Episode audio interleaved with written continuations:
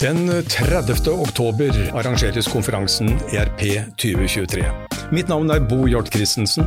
Jeg er ERP-analytiker og følger markedet tett. Jeg har invitert 13 partnere og produsenter til en samtale i form av en podkastserie. Da ønsker jeg velkommen til denne podkasten, eller kanskje vi skal kalle det for en ERP-cast. Ja. Eh, i forbindelse med det kommende seminaret ERP 2023. Og i dag har jeg fått eh, besøk av eh, Tom Smith, som er markedsansvarlig for det europeiske markedet, får vi vel si, og som da representerer IFS. Og La oss bare dvele litt ved mm, IFS sitt opphav. Jeg syns alltid det er interessant å se på historien, hvor er det man kommer fra. Og Hvis jeg analysere DNA-et til IFS, så kjennetegnes det ved to ting, mm. sett fra min side. Det ene er at man kommer fra vedlikehold, anleggsobjekter, service, opprinnelig, og så har man det som jeg kaller for et nordisk gen. Dette er et, en plattform som historisk reflekterer nordisk arbeidspraksis innenfor en rekke bransjer. Mm. Er dette viktig for dere, å ha dette genet fortsatt på plass? Ja, og takk for, takk for, takk for det. Uh, og ja, absolutt, vil jeg jo si. Uh, vi er jo et opprinnelig et svensk selskap som startet i Linköping i 1983, var det vel. Uh, mm. Så vi er 40 år i år, faktisk. Mm. men det startet, som du sier, med, med vedlikehold. Mm. Det var fem av våre gründere som fikk i oppdrag å bygge et, et vedlikeholdssystem for et kjernekraftverk. Mm. og de de slo faktisk opp et telt og, og jobbet 24-7 for å få dette her på plass i løpet av en, en sommerferie. Mm. Så, så, den opprinnelsen er viktig, og den brette opp armene-type opprinnelsen og den skandinaviske kulturen mm. er viktig for oss, og, og, det er vi veldig vare på å, å bevare uh, i, i, selskapet. Uh, og så har ting utviklet seg siden den tid. Uh, definitivt. definitivt. Så, mm. så, nå leverer vi jo en, en, en, si, en komplett plattform da, på tvers av verdikjeden mm. for de bransjene vi, vi jobber mot. Um, og du kan si at vi er veldig bransjefokuserte i måten vi jobber på. Uh, og uh, de type selskaper vi henvender oss til, er jo ofte de som produserer noe eller bygger noe, eller vedlikeholder eller utfører service på noe. Mm. Uh, sånn at den, det DNA-et fra vedlikehold, den, den, sitter fortsatt veldig sterkt i. Mm. Og så har det utviklet seg litt fra kan du si, vedlikehold av tyngre anlegg til også denne servicebiten, hvor selskaper utfører service på andres anlegg, utstyr, maskiner, um, hvor da løsningen har beveget seg over tid. Så, så både vedlikeholdsbiten og servicebiten er jo fortsatt sterke mm. differensiatorer kan du si, for IFS når vi er ute i markedet. Det som jeg også er opptatt av, selvfølgelig, som har fulgt denne plattformen i usedvanlig mange år, ja. Eh, så har jeg jo merket meg at det skjedde noe spennende i 2021 når dere lanserte um, det vi kan kalle for en skystrategi, og kom frem med begrepet IFS Cloud. Ja. Nå har det gått et par år. Uh, hva er status per i dag når det gjelder denne skyreisen dere har vært på og er i? Jo, det, ja, som riktig vi lanserte IFS Cloud, da, som er egentlig neste versjon av produktet vårt. IFS Applications 10 var den forrige versjonen, og IFS Cloud var den neste versjonen som kom på markedet i 2021. Og det er et kladifisert produkt um, som, som, kan leveres gjennom skyen, uh, kan også leveres i private cloud eller i en on-premise-løsning. Uh, mottakelsen av det har vært fantastisk. Uh, vi har merket sterk etterspørsel både for eksisterende kunder og, og, nye, og vi har vel en 400 kunder ca. nå som er kommet live på, på IFS Cloud. Og hvis vi ser litt på resultater og sånn, da, i siste, altså IFS har jo vært på en, en vekstreise, egentlig, de siste ti årene, vil jeg si. Men hvis du ser på fjoråret, så hadde vi en vekst på software-inntektene på 38 og første halvår i år på 44% Sånn at uh, det har jo Ja, du ser det på resultatene, men du ser det også på de dialogene vi har med kunder, at det har hatt en, en veldig god mottakelse i markedet. Det er veldig viktig det du sier, at uh, IFS Cloud er et nytt produkt, mm. og eh, innovasjonen og fokuset og kraften i den videre utviklingen, den skjer rundt IFS Cloud. Ja. Men, men, fortsatt så har vi jo en stor kundebase på um, Application 10. Ja. Uh, og de skal bare roe ned nervene, iallfall i noe tid fremover. selv om det er et produkt, og du får korrigere meg Tom, som over lengre tid vil tones ned. Ja, altså vi, vi, Det er jo en utviklingsstrategi som vi har, at vi ønsker at kundene våre selvsagt, som er på noe eldre versjoner, skal komme oss opp på den nye plattformen IFS Cloud. Uh, og det jobber vi med. og Vi ser jo at, uh, at kunder som Jotun og Moelven og Hafslund, for å nevne noen, er allerede i gang uh, med, å, med, å, komme opp på den nye versjonen. Men vi fortsetter å supportere de eldre versjonene våre, Klart. definitivt. Klart, det er viktig. Så absolutt. Mm. Men Delta, rent eh, skal vi si, funksjonalitetsmessig og kapasitetsmessig, vil jo da stadig bli større mellom 10, Application 10 og IFS Cloud. Ja, all utvikling nå skjer jo på IFS Cloud-plattformen. Nettopp, la oss bare være helt tydelige, tydelige ja, på det. Ja. Eh, Tom, når vi titter inn på eh, skal vi si, de store strategiene til IFS, mm. så har jo det historisk vært preget av en kombinasjon av naturlig nok organisk vekst, mm. men også et betydelig antall oppkjøp mm av produkter. Og vi får ikke anledning til å gå inn på alle disse detaljene i dag, men jeg har jo merket meg at i den senere tid, i det siste året, så har det skjedd et par spennende ting, ja. bl.a. Um, oppkjøpet av Poka eksempelvis. Ja. Kan du si et par ord om posisjonen til dette oppkjøpet? Ja, selskapet først bare kort kanskje om oppkjøpsstrategien i sin helhet. Vi, vi, vi, jo, vi, kjøper jo opp en rekke selskaper, har gjort det over mange år nå. Uh, og enten så er det selskaper som vi da tar funksjonaliteten inn i FS Cloud-løsningen. Mm. Eksempler på det er jo på service-siden. Vi har gjort en del oppkjøp for en del år tilbake som nå finnes embedded innenfor IFS Clouds. Så de er tatt inn der. Uh, Poka er et eksempel på en, en standalone-løsning et annet eksempel på det er IFS, eh, eller et selskap som heter Axios, som, som er nå IFS Assist, som er en IT Service Management-løsning. Mm. Begge de to kommer til å operere som standalone-løsninger, som vil selges uh, standalone, eller som en pakketert del av en IFS Cloud pluss plus mm. den løsningen. Mm. Poka er spennende, for det er, et, det er et verktøy som henvender seg til produksjonsbransjen og retter seg mot fabrikk- og feltarbeidere. Mm. Um, og, og, det den gjør, er at den, den digitaliserer og tilgjengeliggjør informasjon for å kunne operere anlegg, maskiner, utstyr.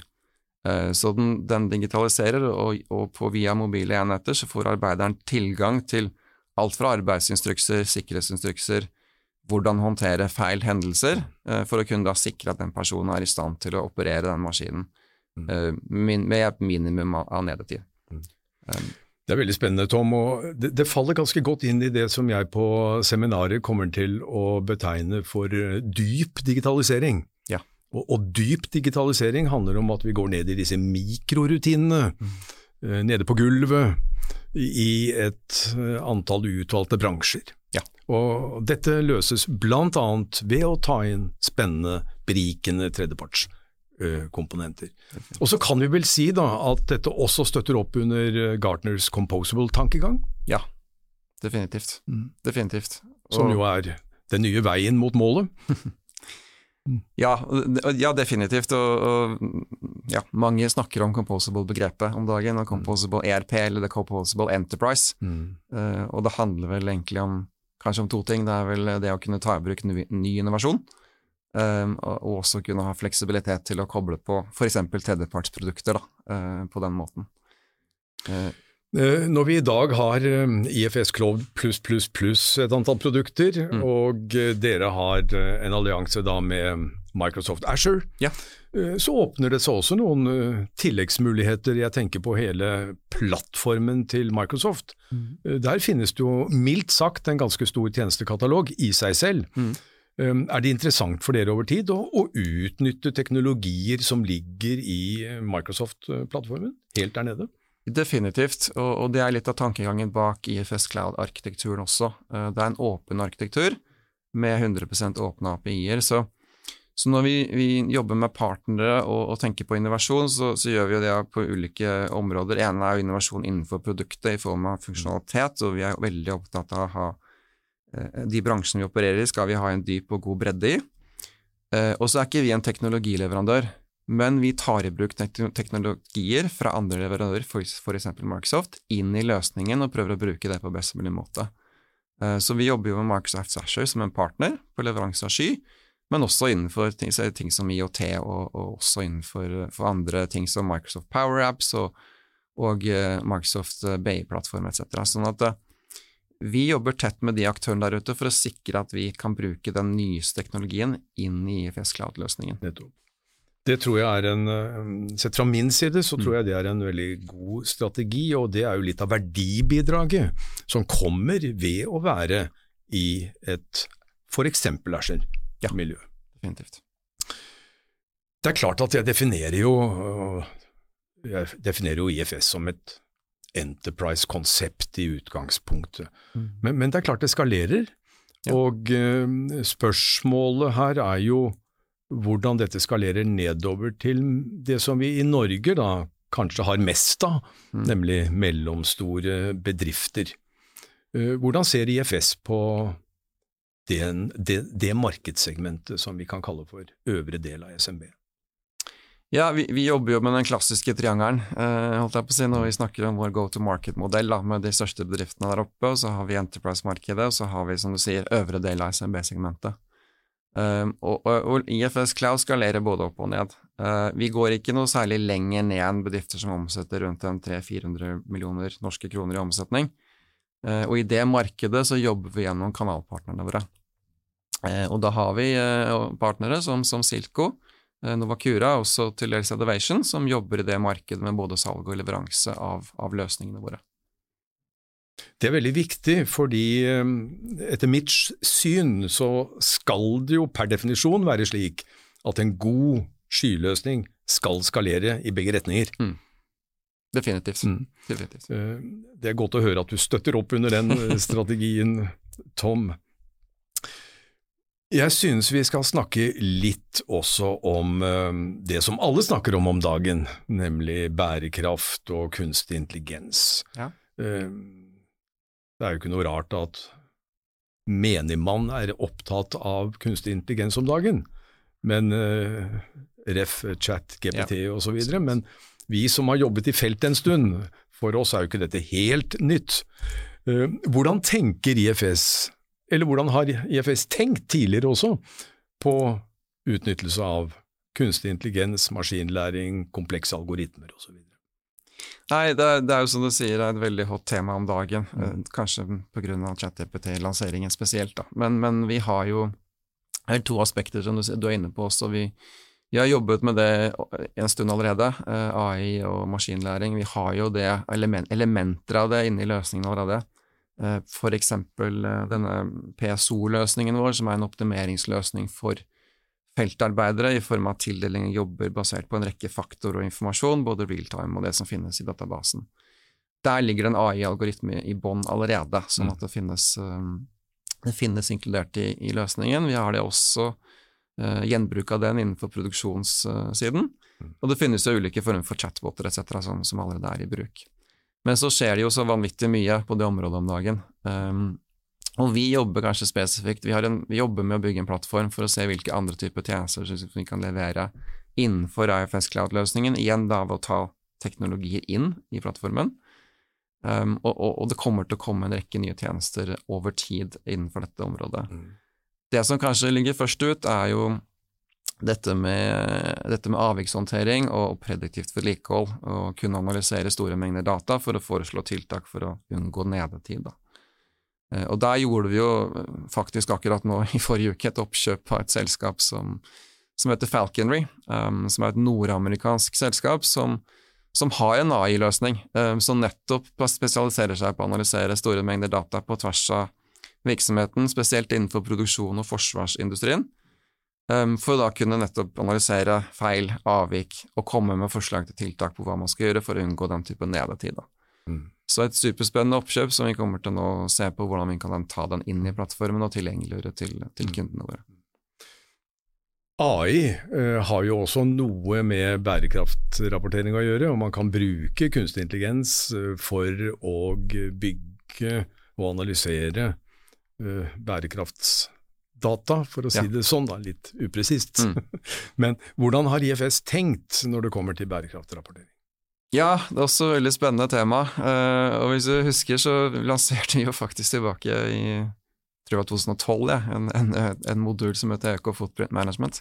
Mm. Eh, da var etterspørselen noe mer moderat eh, enn hva det er nå. Mm. Men, men, kanskje hovedutfordringen gjenstår, da. Eh, og det er jo eh, hva skal jeg si, data og innsamling av strukturerte og standardisert data for nettopp kunne, kunne rapportere på en riktig måte.